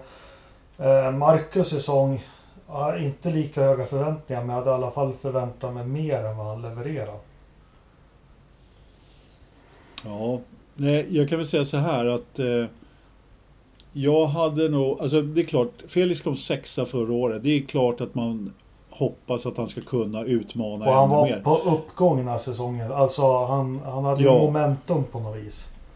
Ja men precis. Och, och alltså när han tog första segern där på Road America så då trodde ju åtminstone jag att det skulle lossna. Mm. Eh, eller lossna, men att det skulle komma mer, att han skulle vara eh, hack i häl på Dixon. Så. Och så gick det bara åt pipsvängen liksom. Det, jag, jag är besviken på Felix säsong. Eh, första vinsten trots allt, men eh, jag, jag vet inte vad man ska säga mer än så. Att, eh, jag, jag hade nog förväntat mig lite mer. Vissa utav grejerna hade han kanske kunnat gjort bättre själv, men han har ju haft eh, Ja, men det verkar som att det inte riktigt har varit eh, guld och gröna skogar i Chip Ganassi heller då. Det lär vi väl få svar på vad det lider här då. Riddaren. När det gäller ma- ja, ja, ja. Så, så här, frågan är väl så här, jag, han har inte haft den bästa säsongen, jag, men jag är däremot fortfarande ganska förvånad över att det liksom tar slut i, i förhållandet med, med Chip Ganassi Racing. För att om vi tittar på en sån kille som, som Will Power till exempel, som är som Felix, en stabil förare. Eh, Will Power är mästare på och kvala. Eh, Felix eh, kan mycket väl bli en mästare på, på kvala eh, och sånt där det finns inget snack om att Will Power ska, eh, eh, ska byta stall eller någonting sånt. Eh, lite mer uthållighet eh, hade nog varit bra. Så frågan är, vad är det som får Chip Ganassi att välja någon annan än, än Felix till eh, den bilen till nästa år? Det vet vi ju inte. Jag tänker vi kommer liksom. till den. Eh, Uh, ja, men det, men det, det den, den, ingår ju liksom i säsongen för mig. Men uh, de väljer att ha kvar Marcus som det verkar. Va, vad säger ni om hans säsong då? Anders, du var påbörjade den. Ja, jag tror inte att Chip Ganassi, som vi har pratat om tidigare, jag tror inte att Chip Ganassi väljer utan jag tror att det är, är det så att han har sponsorerna kvar så, så kör man kvar, så kör han kvar där ett år. Det är inte svårare än så känns det som. Och han har ju, verkar ju som att han fått lite ordning på sitt team där runt bilen. Och de har gjort bättre depåstopp här på sistone och det verkar, bilen har funkat bra. Som sagt, han var snabbast av alla i slutet på loppet igen, vilket han har varit vid flera tillfällen i, i fältet. Så att, ja, det är som, som vanligt. Han behöver kunna kvala bättre om han ska göra bättre resultat. Jag hade självklart hoppats på att han skulle vara eh, topp 10 i mästerskapet i alla fall. Men eh, 12 blev han ju nu. Han hade ju några riktiga bottennapp igen. Alltså, eh, jag vill säga. Vad säger du då Ridderstolpe om hans säsong? Nej, den är väl... den är helt okej. Okay. Uh, han, han kör bra på valer. Uh, är, är för dålig på, på uh, övriga banor, stadsbanor och sånt där. Han... Uh, någon, alltså man önskar ju att han någon gång kan kvala lite bättre. Uh, liksom sådär. Så att vi får väl se. Vi hoppas att, att hans nästa säsong blir, blir lite förlösande när han har trimmat in teamet runt sig lite mer. Eh, ja, så. Mm. Jag skulle vilja se honom göra ett bra Indy 500. Jag menar, ja. den där kraschen. Det kan ju mycket väl ske. För att han, han är ju bra på oval. Han har ju visat sig faktiskt eh, så här, ha kvaliteter just på ovaler. Ja. Mm. Vilket, jag, vilket jag inte riktigt såg tidigare i, i hans karriär. Men, eh, men just ovaler är ju spännande att han mm. faktiskt funkar bra på. Ja. Men vi kommer in på det, du var inne på det. Är det något nytt med McLaren och Felix, Ganassi Felix? Vad, vad är det senaste där? Nej, det har vi inte. Det senaste är, var väl Zac Brown som uh, gjorde någon intervju och sa att det var uh, attans bananer och, och och allting om att han fick reda på att eh, Kevin Magnussen blev ledig lite för sent. För det hade varit en kille att ha i Indycar. Mm. Typ så ja. sa han. Alltså det, det, som, det som känns hela cirkusen kring eh, Felix eventuella flytt till Aero McLaren Smith Peterson är ju det känns som att den har tagit ett varv till. Jag sa ju i förra podden att det skulle bli kul att se vad de sa när vi väl kom till eh, Sankt Petersburg då. Eh, men det verkar ju som att ingen säger någonting. Eller på något sätt lägger ut villospår att ja, men ingenting är klart än helt plötsligt får man höra. Men det är väl förmodligen för att de måste säga det ja. på, på, ett eller annat sätt. Då. Och, eh, Alltså jag skulle väl säga att det, det, det har på något sätt bara blivit snurr till liksom. Ingen säger någonting i stort sett. Fast vad, vad händer, vad händer om, om det inte blir av då? Jag Ja. tror, det, ja, vad händer om det inte blir av? Det kan man ju fråga sig. Ehm, vad, vad gör Felix då? Så här, jag tror ju att det är klart. Jag tror ju att det inte... Det är egentligen är det bara massa snack just nu.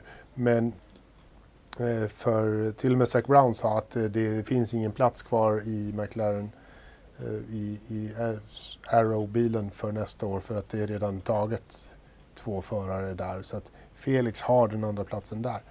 Eh, men om vi ponerar att det inte skulle vara så, att det inte skulle hända, var skulle Felix hamna någonstans då? Ja, då finns det väl liksom, det, och det, vi snackade ju väldigt mycket silly season förra gången och den intressantaste styrningen som är kvar förutom Chip Ganassi och Aaron McLaren SB är väl eh, Ryan Hunter Race plats. Han gjorde för ett bra lopp i lördags. Han gjorde ju ett bra lopp i lördag. I söndags körde han. Sön, söndags Ja, förlåt, körde han söndags. sig ganska bra. Eh, Men Ja, eh, för I lördags gjorde han ingen bra kval, för han startade också rätt långt ner. Han gjorde ju ett riktigt stabilt lopp faktiskt. Mm. Måste man ju ändå ge honom. Men det, är väl den, men det är väl den bilen som jag i sådana fall skulle vilja se eh, Felix Rosenqvist i nästa år. Om nu inte Arrow McLaren SB faller igenom. Mm. Ja, man är ju jäkligt nyfiken på vad det här som... eh, vad har hänt? Ja. Mm. Nej men jag tror inte det har hänt så mycket. Jag tror, jag tror att det är som eh, Har inte hänt så huvudspåret mycket? där. Ja, ja. Nej men det, det har blivit tagit lite Problemet är ju att det har kommit ut att han har skrivit på för dem. Det, är- det är Mm. det som är problemet. Ja. Och då, då blir det en så mycket st- större höna av den där fjädern. Liksom. Eh, Annars hade de bara presenterat honom om ett par veckor. Liksom. Nu har det blivit så extremt mycket snack. Vi får se om vi har något att lämna ut nästa vecka. Mm. Eh, ja men trevligt. Uh, Indycar-säsongen, långt uppehåll nu. De har ju kalendern klar till. De inleder ju på St. Pete i mars. Så det är ganska lång vila här nu för förarna. Mm. Se vilka som väljer att köra några andra klasser. Jag försökte, försökte fråga Felix pappa om han skulle köra något i höst och vinter här nu. Men jag fick inget svar om det. Uh, övrig motorsport har vi. Eh, Linus Lundqvist tar trippen på Kota. Vinner, vinner, vinner. Eh, Ja. Ser fram emot den här Indy Light-satsningen nästa säsong. Det är det enda jag kan säga. Hur kan man, om vi nu vill följa Linus nästa år, hur kan man följa Indy Lights på ett bra sätt skulle jag kunna tänka mig att veta. Du tar ett Alltså, flyg är det- till Chicago så tar du hyrbil. Nej, vart känns det Anders? Nej men tidigare så har de streamat på, på Indy Lights eh, plattform. Ja, jag vet inte riktigt. Eh, vid något tillfälle så har man väl- har väl till och med Viasat Motor sänt tror jag. Eh, de är inte helt ute och cyklar. Eh, när Felix körde där. Är det, Men- något, eh, är det något abonnemang man måste ha för att, för stream, för att få se streamen Mm. där eller är det tror- gratis? Vi, vi får nog se. Det beror, det beror nog ganska mycket på om det är någon eh, operatör i Sverige som har köpt rättigheterna. I så fall så om, om till exempel Viasat Motor väljer att sända Indy Lights då eh, kommer vi nog inte kunna streama det. Så Nej, det, det. brukar, ju- det brukar ju vara så. Men det, det får, nu- vi får nog vänta med och, till, Och till det nästa år. hoppas jag verkligen att så, få Janne och Erik en slant över så köp rätt. Ja, det, ja, det vore coolt. Ja. Vi kan, vi Ja, det kan, borde inte vara så dyrt om man har rättigheterna till Indycar. Så Nej. borde man kunna sälja, sända Indy Lights också. Vi kanske ska ta ett, eh, försöka få, om vi har ork och tid att fixa med det och prata med Linus sen när säsongen är slut. Eh, Ja, det vore skoj. Eh. Vi hade en till eh, västeråsare tänkte jag säga, men det var inte en svensk i farten på Kota. Viktor Andersson va? Ja, just det. Vem är Viktor? Det är väl son till eh, mångfaldiga STCC-föraren Mattias Andersson väl? Ja, Det är all, han, alldeles eh, riktigt. Och dessutom expertkommentatorn ibland då på Indycar via satt motor. En av de mest behagliga racerförare och otroligt ödmjuk och fin. Jag har haft förmånen att, att prata lite med Mattias när jag och Ternström höll i Indycar-sändningarna där förut. Då var han ju också med som, som expert. Haft, Mycket trevlig haft kille. förmånen att vinna Megapolmästerskapen 2002 i hans inomhus gokarthall Ja. i Linköping också. Just det. Fick han buckla av. Oh, Trevligt, trevligt. Eh, Nej men han, eh, Viktor där, han hade lite otur med, med en koppling tror jag i första loppet. Men annars så fick han ju fart på den där bilen. Fan kan du ha ju- koll på sånt? Alltså Ridderstolpe på riktigt, vad är det för fel på Anders? Men dra fram vilken jävla lopp som har varit i hela världen. Om det så är någon folkrace i Bolivia. Han bara, ja Manuel han hade fan lamellerna så. Ja. Fortsätt hade- nu Anders. Det här var ju faktiskt Vi- spännande. Vad hände? Liksom, han hade, Äh, hur gick det Även för första loppet så kom han ju bara något varv där. Men sen, sen så gjorde han lite bättre resultat och fick, fick lite sprutt på den där kärran. Det är ju F4-bilar i stort sett man kör med där.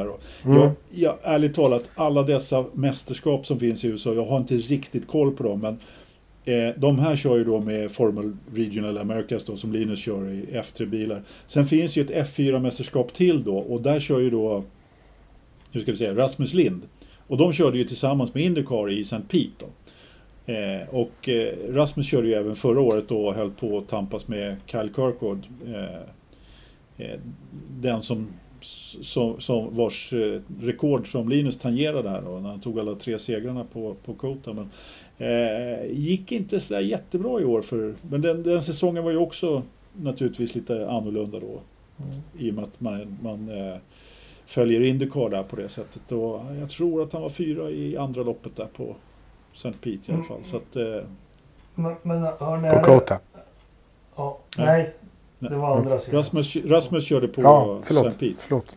Men är det bara en känsla jag har eller lurar man sig på att det finns internet tänkte jag säga. Men återväxten i svensk racing, har den varit så här god på länge eller? Alltså jag måste säga det att jag tycker att eh, den är väldigt god Mm. faktiskt. Det, det, det, även om de är på, ja, även om, men jag menar, kanske inte en, för en Formel 1 styrning, men det känns som att vi har flera stycken som kan ta Indycar-platser här när, när det är slut för Felix och Marcus. Helt klart. Jo men man vågar ta andra vägar och inte liksom bara satsa Ja. allting på 21-2 till slut. Som Maj, Malja och grabbarna. Ja.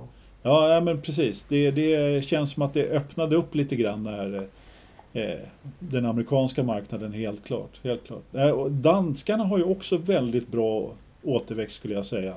Eh, mycket mer än vad Sverige har i, i, i europeisk racing. Då. Men, men eh, ja, det ska bli kul att se vad som kan Ja men hända. kolla på danskarna, de är mycket bättre än oss. Gör man ett brott där då, då får du livstid. Och så får de bättre racerförare också. Fan, Ja. Löfven lär dig något. Eh, Ja, Ja, ja, det det var fick inte det. det sagt. Ja, veckans Verstappen, Ridderstolpe. Ja. Eh, barnpersonal i Portugal. Vadå? Nej, Något fel på dem? Ja, men nej, men vad fan. Liksom. Usch, det var, det var inte roligt att se någonting. Ja, det var Anders? min Verstappen. Vad har du Anders? Eh, nu vet jag inte vem jag ska ta men... men eh, Du kan få Stroll. Då. Du kan Nej, få ja, stroll in- av mig. För det, Ja. jag, Fan, hade du två Ridderstolpe? ja, det, Ja. Ja. Ja, du ser. Du ser. Ja. Jag hade också två. Alltså, Jag, Stroll han har ju förtjänat en livslång Verstappen han Ja, också. Men, mm. men, men Sato måste faktiskt få min. För att han gör så mycket dumheter den där karln alltså. Han, han är ju... Han börjar ju han börjar äta ikapp eh, till Ferrucci-standard snart. Liksom. Men alltså ska inte, ska inte då veckans Verstappen vara de här människorna som skriver kontrakt med Sato varenda år ut och år Jo, in? Alltså Ray Rahal. Letterman, Lanigan, Racing. Problemet med, med Sato är att han då vinner ett lopp som... Ja, det går ju inte att låta bli. Liksom, inte, så, jo, skriva kontrakt jo, med honom. Man, jo, jag det stenhårt på. Man kan sparka en Indy 500-vinnare. Ja, jag hade gjort det. Alla dagar i veckan. Du då, Jakob? Nej, jag skulle inte sparka han. Eh, Nej. Nej, men jag frå- din Förstappen. Ja, jag, en har jag varit inne på tidigare. Det här när kvalet. Jag, jag bandade kvalet. Och jag vet inte om det är, det är väl Telenor som är min tv-leverantör. Vi- Vil, vilket kval? Är det Indycar eller Formel 1 du tänker? Och så Jaha. blir det försenat. Då, ja, Q3 kommer ju inte med. Nej, men... eh, Ja, Ja. Det kändes jävligt sorgligt.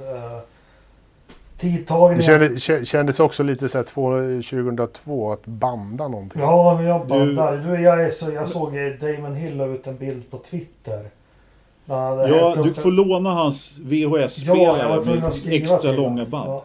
Jättetrevligt hade han så här att han skulle se loppet nu och så var det hade han hällt upp en Peroni och allting och så var det bild på tvn och stereohyllan under och så här. Han hade en VHS-bandare där under. Jag tog mm. skriva till honom. Det var andra som hade hunnit anmärkt på det före. Då sa han att ta den frågan med min fru. jag, jag, jag, tror det var en bortförklaring. Han har bandet med 96 års sammandrag där som ja. det ligger, ligger i bandan. Men då kan jag åka hem till honom i London tror jag han bor med min banankartong med VHS-porr jag har sparat. Ja, som jag, kan du. Kan jag. Nej men sen är det här tidtagningen och produktionen från Indycar. Eh, alltså jag förstår att de vill filma ledaren men de måste kunna ha liksom en produktion där de kan fälla in eller visa klipp på. Ja men nu mm. hade vi Felix som körde som en galning där och att man skulle vilja se det. Sen har jag en bakvänd Verstappen. Det är värt en hyllning. Jag tycker det är sjukt häftigt att de körde slut på soppa i, i Safety Car. och det fick man tänka på. Tänk om det skulle varit Formel 1 på på Bernies ja. tid. Hur många skulle bli avrättade då? Och framförallt, det jag tänkte på att de, de har liksom ingen backup safety car. Nej. Alltså, I Formel 1 så åker de kring, med, liksom hela Formel 1 åker de kring med tre här jävla Mercer liksom. Eh, och de kunde inte ens tanka den här jävla Hondan som de körde Den bara, den bara parkerade. Ja. Den parkerade de. Sen får, sen får Indycar-fältet köra själva sista mm. varv. Det klarar ju då. Jo men det är det här jag så. menar. Du kan, du kan liksom slänga ut någon från kvalet för att det är fel på mjukvara. Men Ja. Nej men fan Pacecaren funkar inte. Nej, men de liksom, har ingen information i rutan eller något. Nej det var fantastiskt. Eh, det är 2,8 grader i Idre, Grövelsjön. Det blåser eh, några gradantal, sydostlig riktning. Eh, 27 fukt inne, han har fått ordning på det där. Jäkligt fuktigt ja, ja. ute och vad har vi i datorförrådet? Ja, det är, ja, men vad fan, nu har han bytt namn på det här. Bytt namn? Nu står han det har... här, temp, dator, kök och sovrum. Ja, vad har han för sovrum? temp i sovrum då? Vad fan ska vi ha tempen i sovrummet? Nej, men då, vi, vi gör om det här lite. Vi måste förnya oss. Vi, vi kör alltid riktmärke. Han har 23,3 i köket. Vad tror ni då han har i datorn och i sovrummet? ja, jag tror att han har, jag tror att han har eh, 25 i, i datorn och, och 19,2 i sovrummet. Äh, det, det är, det är 22,6 i sovrummet och eh, datorn har, har fått uppjuck så den är bara 18,9. Ja, du var nära men ändå inte. Det är 22,3 i, i datorn. Sen förstår inte jag hur man kan ha så varmt som 21,9 i ett sovrum. Det är gosigt och skönt. Nej, aldrig över, aldrig över 17 grader i mitt sovrum. Ja. Bra. Du håller dig inte varm där. Men, ja. Hörrni, nästa vecka, vet du vad? Nytt avsnitt. Eller vet ni vad, ärliga lyssnare? Eh, vi hoppas att det har klarnat lite i McLaren, Chip Ganassi, Felix eh, soppan här nu. Så man får veta vad det är som händer och vad som har hänt och vad som kommer att hända. Så man kan diskutera det lite. Och så får vi snacka lite Formel 1 från Imola. Det tycker jag ska bli kul. Ja. Det ska bli väldigt roligt. Ska vi inte puffa lite grann för Mantorp den 7 november också? Jo, skrotbilslandskampen som kommer sändas direkt på Youtube. SLC Racing heter väl klassen. Och det är alltså så att det är svenska och norska deltagare. Eh, man får komma dit med en bil som, vad får den kosta? 10-20 000? Någonting. Ja. Kan inte reglerna. Och så Rä så kör man där i sex timmar och så räknar man ihop vilka klarar flest varv, Sverige eller Norge. Och Precis. Vi var där förra året och kommenterade det här, kommer göra det i år. Vart väldigt överraskade vilket eh, trevligt arrangemang då. Absolut, väldigt trevligt. Och vi, får, vi, vi, måste också säga så att man får absolut, alltså absolut inte komma dit som publik eftersom det är coronarestriktioner. Men det är helt okej okay att, att komma till restaurangen i Mantorp med utsikt över banan och äta lite. Och Precis. Äh, förutom utsikt över banan så har man även utsikt över kommentatorsbåset. Där förmodligen förhoppningsvis vi sitter och dricker öl. Precis. Kanske pratar lite också. Ja, och den här gången ska vi försöka prata från att loppet börjar.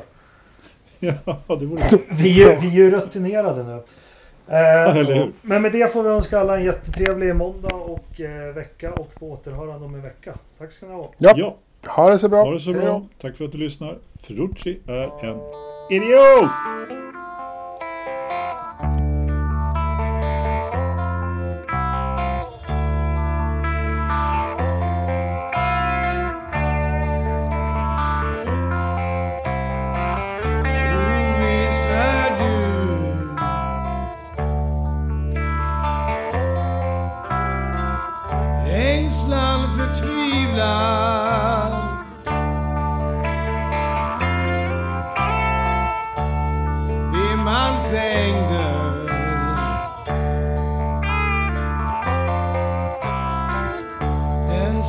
Savila.